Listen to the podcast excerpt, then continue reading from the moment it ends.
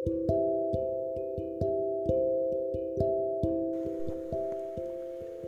hanya berusaha mempertahankan prinsip yang terkadang dekat dengan kata sensitif.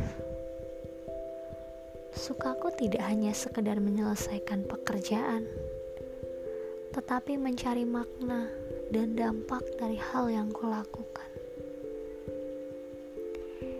INFJ sangat menghargai kejujuran dan kebenaran, tapi sulit menggenggam keterbukaan.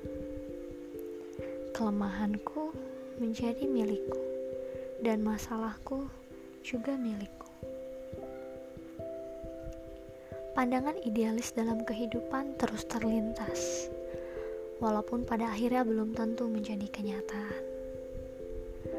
Semua akan hanya menjadi perdebatan di dalam kepala. Ketika berada di luar, di tengah kerumunan, aku capek. Aku lelah.